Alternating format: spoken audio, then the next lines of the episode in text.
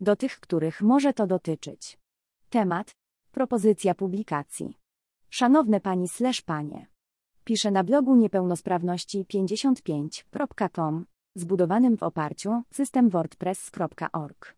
Blog porusza zagadnienia związane z osobami niepełnosprawnymi i jest blogiem wielojęzycznym w 67 językach.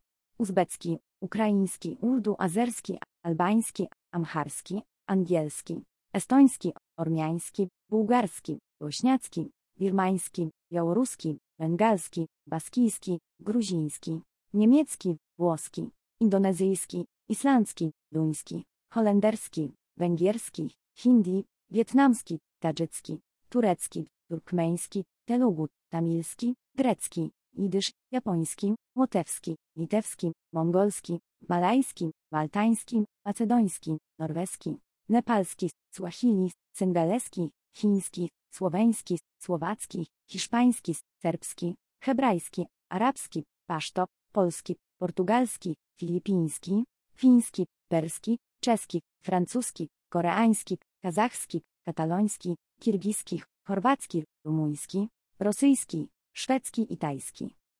Każdemu, kto jest właścicielem stacji telewizyjnej lub kanału emitującego treści dotyczące osób niepełnosprawnych w którymkolwiek z tych języków, sugeruję skontaktowanie się ze mną i przesłanie mi kodu kanału w celu umożliwienia nadawania kanału z mojego blogu. Z wyrazami szacunku, Assaf Beneamini.